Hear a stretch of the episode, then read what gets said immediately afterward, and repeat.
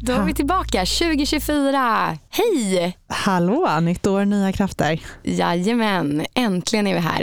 Det känns lite, nästan lite ringrostigt. Ja, men lite så. För mig var det ju en lång ledighet i alla fall, så jag har verkligen Så- varit eh, off medan du har varit eremit på kontoret. Ah, ja, det har varit riktigt jävla dött alltså.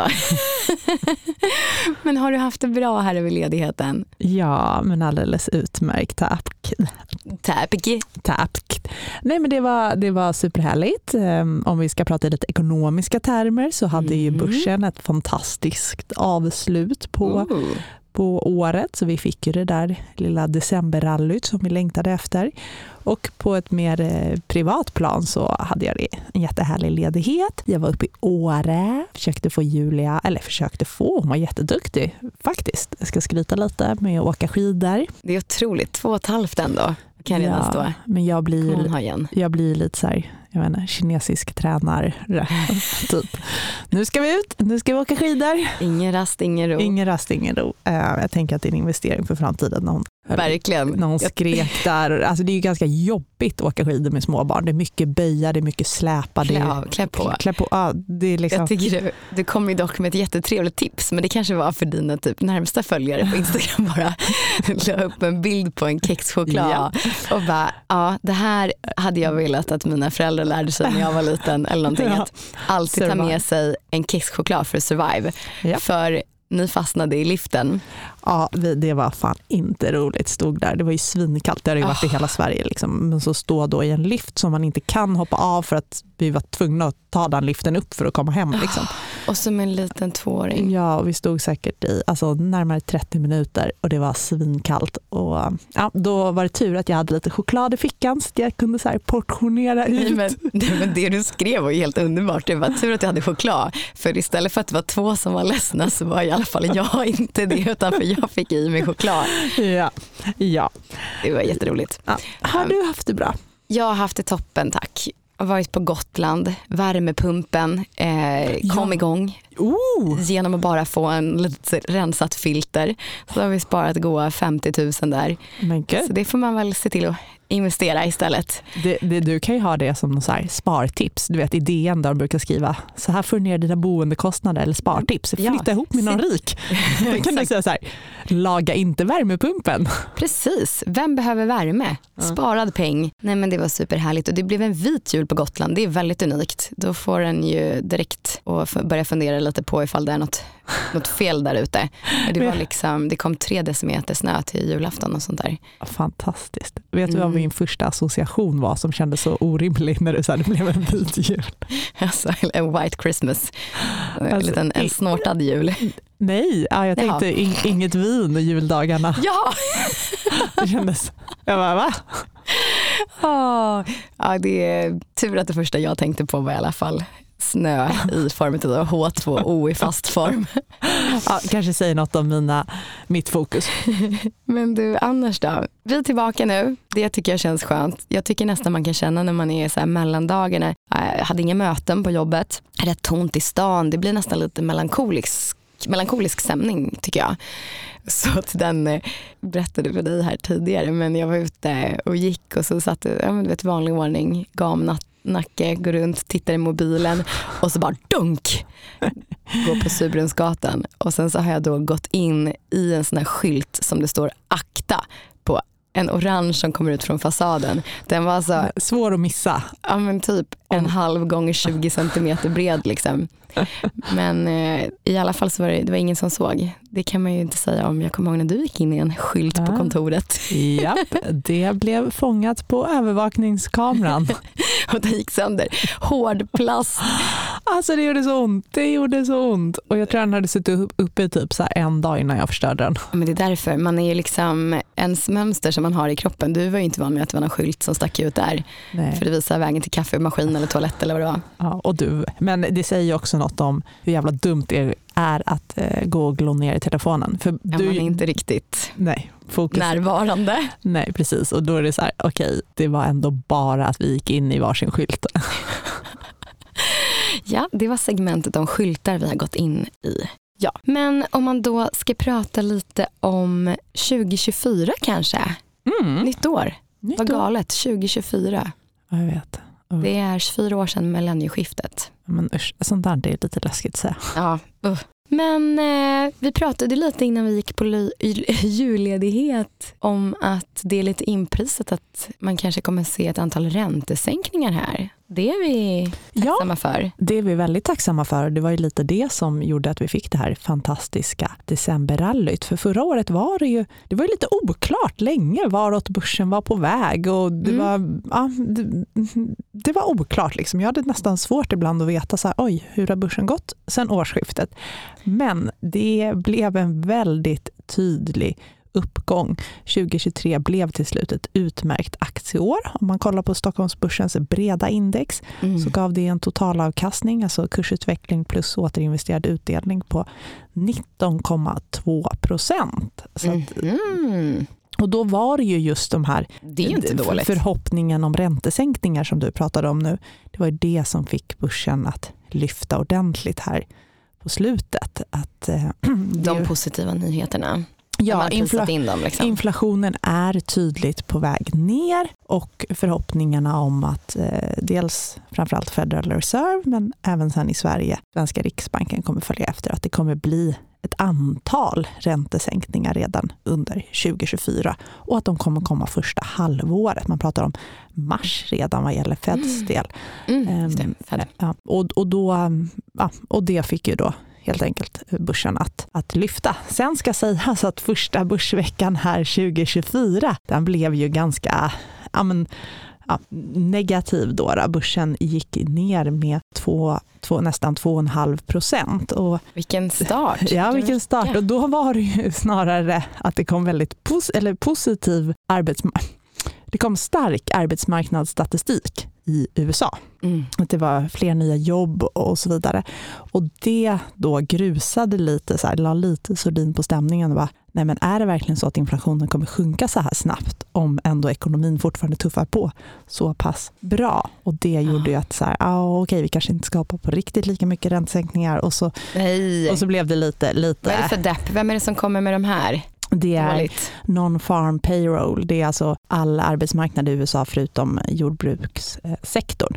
Men det var det som gjorde egentligen att, att det blev lite sådär mer osäkert förra veckan. Men en vecka, en vecka är ju ingenting. Det är ingen sommar. Och ändå konsensus är ju fortfarande att det kommer komma en rad räntesänkningar här under 2024. Och man skulle kunna säga då att det... Rea? Ja, att det bäddar för någon slags nytt eh, börsrally. Det är ju det som... Alltså jag hoppas. Ja. Det hade varit så trevligt. Men det är klart, när konsensus är det här, att mm. man tror det, då blir också liksom risken för besvikelser och mm. effekten av minsta lilla negativa ja, inflationsnyhet kan ju bli väldigt tufft då på börsen. Så att fallhöjden blir ju någonstans högre. Men jag läste precis innan mm. vi gick in här så läste jag en väldigt rolig ja, krönikaanalys eller vad man ska säga från Henrik, ja. Henrik Mittelman som jag läser i DI med stor behållning. Ja, men Henrik Mittelman då, han brukar ibland beskrivas som en evig optimist och eh, han har ju varit väldigt tydlig länge med att han är optimistisk inför 2024. Men det som han nu tar upp som ändå är lite oroande, det är att det råder en sån konsensus vad gäller mm. positivitet inför 2024. Han menar det, det är sällan bra när alla, alltså det, det finns risker när alla, när alla tror att att det ska bli så himla bra, då ökar också riskerna på nedsidan. Men eh, avslutar han med, som jag tycker ändå var väldigt rolig, hur ska man då resonera när liksom ribban har höjts? Mm. Och då menar han för det första att en infriad prognos det är något helt annat, helt annat än en osäker gammal prognos. Så att om den här trenden med fallande inflation och ändå hyfsad ekonomisk utveckling fortsätter, då kommer det uppskattas av börsen över tid. För det är ändå liksom realitet och inte en, en osäker eh, prognos. Och det andra då, som jag tyckte var väldigt roligt skrivet, det är att man alltid underskattar kraften i alla vändningar. Om huvudscenariot med fallande inflation och räntor materialiseras, då bildas det liksom tydliga ringar på vattnet. Och som han skriver, det bildas tydliga ringar på vattnet när Skistar-familjen med Thuleboxen på taket börjar se framtiden an med en helt annan tillförsikt. Då ska det resas mer och nya tjänster och prylar ska inhandlas. Känner mig lite träffad där. Jag förstår det. Och så kommer rubriken om husprisrekord som ytterligare lyfter mungipor och handelns omsättning. Ja, då ska även köket renoveras och tvn bytas ut. För då tänker man ändå, ja men jag har ju min lilla bank i min lägenhet eller mitt hus som har Mm. Ökat i värde här. Och det goda börshumöret bär man med sig till kontoret när företaget funderar på nya satsningar, inköp av nya datasystem, nya anställningar eller kanske till och med ett förvärv av något annat bolag. Så alla hjälper vi till, skriver han, och så sprider sig de positiva vibrationerna. Mm. Och så citat. Allt har i och för sig varit ett citat. Men för att detta ska bli verklighet räcker det sannolikt med att 2024 blir ett år av normalisering. Ett år med inställda räntechocker, kostnadschocker, pandemichocker och energichocker. Så svältfödda är vi på vardagen, på det normala. Så att även en inställd chock är ett glädjeämne för oss stackare. Alltså, jag håller helt med. Jag tycker vi har klipp till liksom 2019, innan pandemi, innan alla Ja. krig. Ja, precis som du, Så precis som du säger. Här är inte ens krigen med. Här är det liksom pandemichock och energichock. Men Ja, ja, precis. Och det är ju fan det lilla i sammanhanget. Ja. Ja, det var roligt.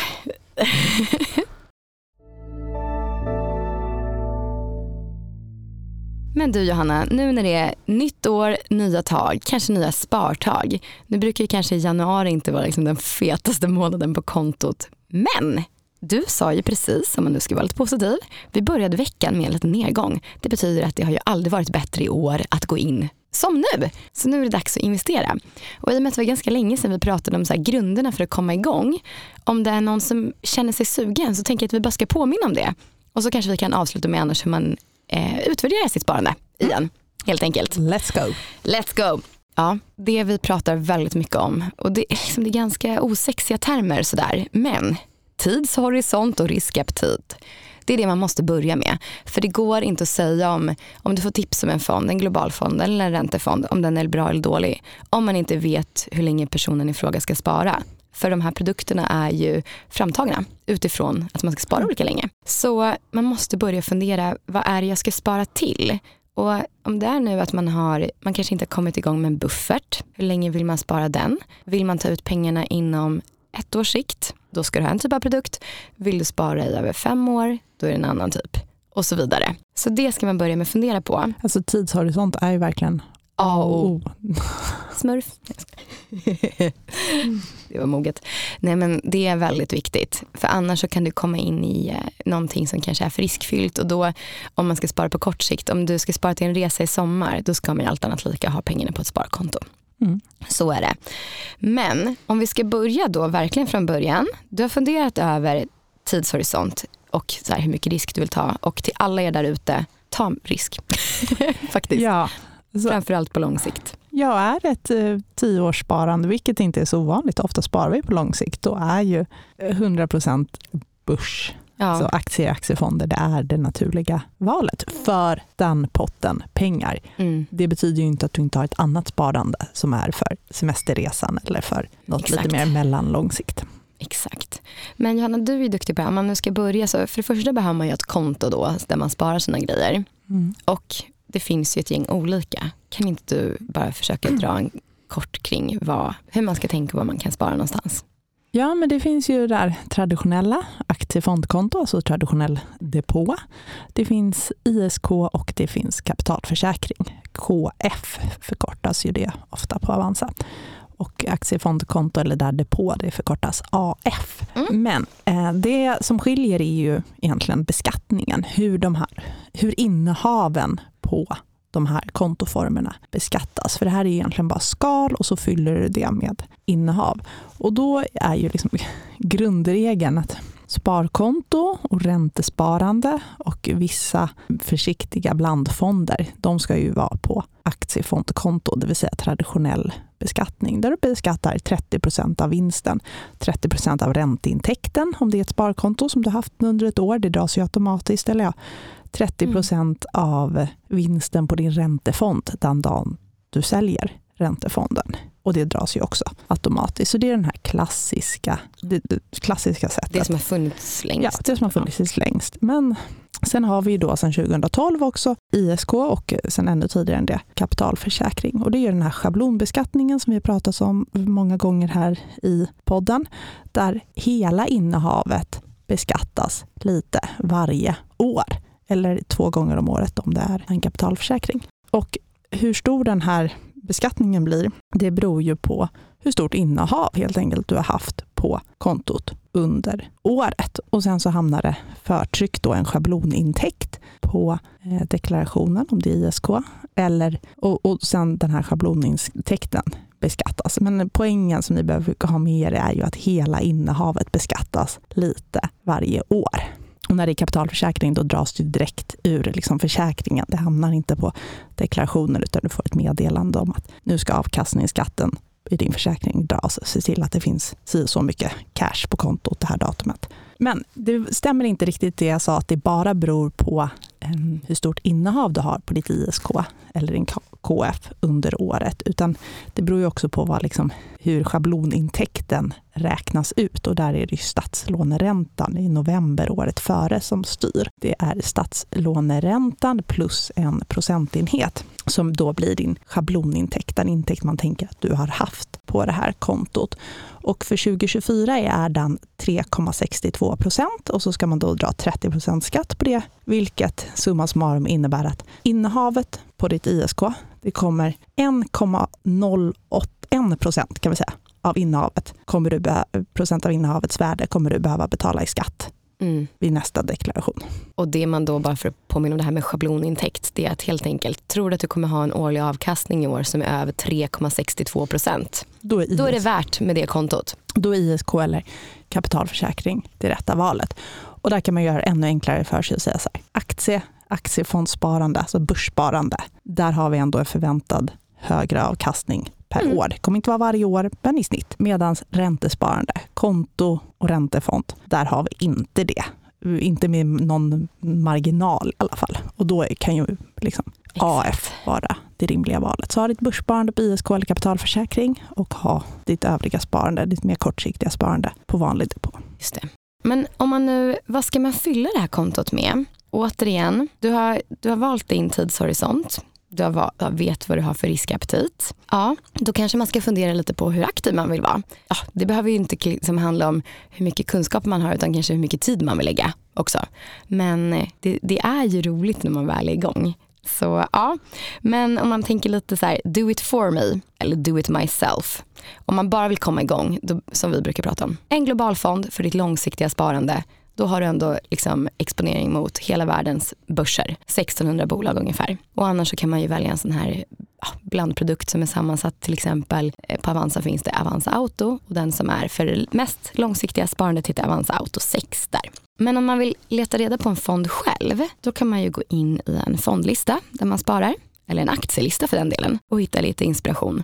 Men det finns ju som vi alla vet väldigt mycket att välja på där ute och då för att börja tratta ner det här så om du vet hur länge du vill spara och lite vad du har för riskaptit så om vi säger till exempel då du ska spara på minst fem års sikt, tio års sikt kanske, då ska du ju vara exponerad mot börsen. Och då finns det ju aktiefonder. Utöver det så finns det så blandfonder och räntefonder och alternativa fonder. Blandfonder är som det låter, det är helt enkelt en mix av alltihopa och då har den ju by default alltså inte 100% aktier. Men om du vill ha en aktiefond då, då kan man ju fundera på vad ska man ha för exponering. Ska den vara global? Det är ju väldigt brett. Sen så finns det ju obreda fonder. Det finns ju eh, superregionala, det finns ju men, så Sverigefonder, det finns Turkietfonder, det finns Latinamerikafonder, tillväxtmarknadsfonder, eh, amerikanska mikrobolag och så. Efter att man vet vad man har för, vill ha för exponering så ska vi ju prata återigen det här med aktiv kontra passiv fond. En passiv, det är alltså en indexfond. Där köper du en exponering precis bara mot till exempel ett globalt index eller ett Sverigeindex. Och där, eh, här, där finns det ju liksom ingen sanning utan man får ju utvärdera lite själv. Men det, det man kan känna igen dem på i alla fall det är ju att indexfonder, lågt prissatta, aktiva fonder kostar lite mer. En aktiv fond, där har vi en förvaltare som sitter och kanske besöker bolag, gör analyser och avviker från sitt index för att försöka nå överavkastning, alltså slå det här indexet. Och man ska komma ihåg att när man tittar på en fond och tittar på en graf och utvecklingen så är det alltid efter avgifter. Så när du jämför två fonder, det kan ju vara en indexfond och en aktivt förvaltad fond som båda är globala till exempel, eller båda är inriktade mot Sverige, så ska ju om den här aktiva fonden på lång sikt har gjort sitt jobb, då ska den ha gått betydligt bättre. Men när vi är inne på det här med aktiv och passiv så återigen som jag nämnde priset. Det är så att på den passiva sidan indexfonder, allt annat lika, det finns lite andra parametrar också men det som verkligen är avgörande här det är vad avgiften på fonden är. För i och med att du ska bara köpa och sälja precis de här bolagen som är komponenterna i det här indexet så är det priset som gör skillnaden. Är den dyr, då kommer du dras av mer på avkastningen. Så är det bara. En aktiv fond som sagt, där kostar det mer. Jag vet att eh, vissa exponeringar, där kanske man tycker att det faktiskt behövs en aktiv förvaltning. Och så här, vi får ju inte komma med några råd och så vidare, men ah, det är, ju snävare, desto kanske mer aktivt. Som vi pratade just om amerikanska mikrobolag eller eh, det kan vara fastigheter, infrastruktur, sådana mer nischade saker och teman. Där kan det vara värt att utvärdera en aktiv fond. Och vill man typ bara ha en exponering mot ja, men global eller jag gillar Sverige, ja. då kan man ha en indexfond. Ja, för det är också svårare att, alltså det ju, finns ju massa statistik som visar på det, att när det gäller så stora ja, investeringar i stora bolag, väldigt välanalyserade bolag som väldigt många analytiker följer, det är väldigt mycket investeringar i, då är det otroligt svårt att liksom, alltså, cherrypicka och eh, slå index. Så att det är färre fonder som slår index, om du ser en global fond, liksom, um, mm. än vad det är när det gäller småbolagsfonder. Ja, men om man nu har valt då till exempel att man, man vill ha en global fond, den kanske ska vara passiv, då ska den vara billig. Du kanske vill lägga till då till ditt sparande något lite kryddigare. Då kanske du köper en småbolagsfond, du kanske köper en fastighetsfond eller en techfond eller en eh, hälsovårdsfond för att du gillar det temat. Men sen så kan man ju ha andra preferenser. Johanna, det här är ju en hjärtefråga för dig. Hållbarhet. Ja, och den är ju väldigt svår tycker jag när det kommer till investeringar. Men det kan ju vara som så att man, ehm, ja men dels att man vill ha en viss vad man säger, man vill välja in någonting. Man vill fokusera på att investera i bolag som arbetar inom, eh, eller har produkter inom förnybar energi eller elektrifiering av fordon eller vad det än är. Någonting som liksom hjälper oss att nå FNs globala eh, hållbarhetsmål. Men det kan också vara att man inte vill investera i något. Jag vill inte investera i bolag som utvinner fossil, fossila bränslen. Nej. För att jag vill inte det. Och mm. då måste man ju börja kolla på de här olika hållbarhetsparametrarna som, som fonder har. Eh, mm. Och där, så det, det, är lite två olika. Det kan vara liksom dels att jag vill ha någon slags hygienfaktor, en lägsta nivå bland mm. mina fonder. Då får man använda sig av de fondfiltreringar som finns. På Avanza har vi ju väldigt många. Eh, men ja, man kan enkelt så exkludera fonder som investerar i det här, det här, det här, det här. Då vill jag också bara säga det som jag alltid säger. Var lite försiktig med eller att det, det, finns ju en så här, vi kallar det, eller vi, det är Sustainalytics som gör, men som har delat in i så kontroversiella branscher, det vill säga branscher där många människor har en ganska stark åsikt mm. kring om man vill investera i det eller inte. Så att, att det är inte så att Avanza säger något, inte så att Sustainalytics säger någonting, men det är områden som människor vill kunna filtrera på. Och då är ett sådant område djurförsök. Mm. Och det som man ska vara medveten om, om man kryssar i ja på att här, exkludera djurförsök, det är att då exkluderar du alla fonder som har mandat att investera i läkemedelsbolag. Ja. Och läkemedelsbolagen, till exempel Novo Nordisk, eh, det är ju Nordens absolut största bolag. Deras börsvärde är ju större än liksom hela Danmark. Vissa mindre länder. Ja, Danmarks BNP. Ja, vissa större länder. ja. Eh, och det är större än många av de svenska största bolagen tillsammans. Mm. Novo Nordisk är ju ett gigantiskt bolag, finns med i jättemånga fonder. Vi tar det mm. som exempel. Men läkemedelsbolag har ju ofta vissa former av djurförsök i mm, tidiga eller senare, något, någon av stadierna när de tar fram nya läkemedel.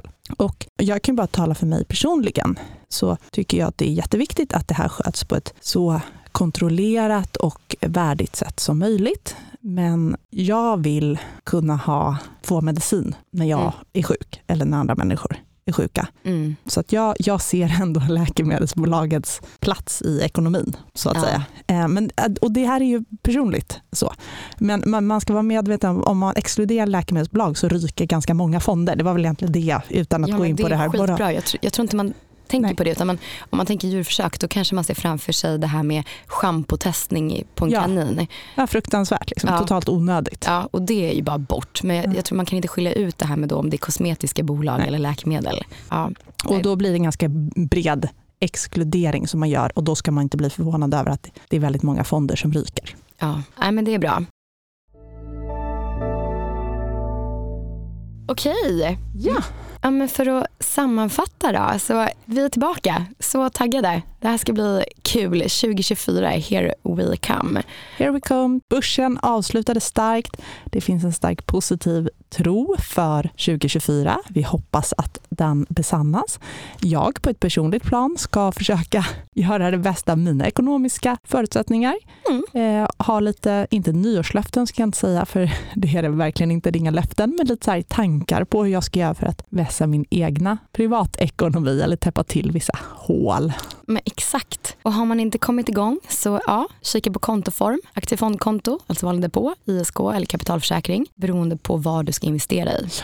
Sen fundera på tidshorisont och ja, alltså våga ta risk där ute om ni ska spara på längre sikt än liksom minst fem år. Hitta, hitta lite nya fonder där ute och utvärdera. Aktivt eller passivt. Passivt tänk på avgiften. Aktivt titta på avkastningen efter avgifter. Och eh, bara börja. Det är verkligen bara kör. Ja, och nu har vi ju då börjat med en vecka där det har gått ner så då är det ju rea. Så nu Ja. kör vi. Köper du en svensk indexfond idag så kommer du ju slå börsen vid årsskiftet. Just det, exakt. Ja. Jättebra läge att gå in alltså. ja. Och på tal om gå in så ska vi försöka att titta upp ur våra telefoner så att vi liksom undviker alla skyltar här 2024, skyltfritt. Fruktansvärt pinsamt. Ja. Eh, Men det, ja, det får bli ett litet nyårslöfte. Det får det bli, lite mindre Mm. phone time. Men tack alla ni som lyssnar och vi hörs igen nästa vecka. Det gör vi. Ha det gott. Hej då! Hej.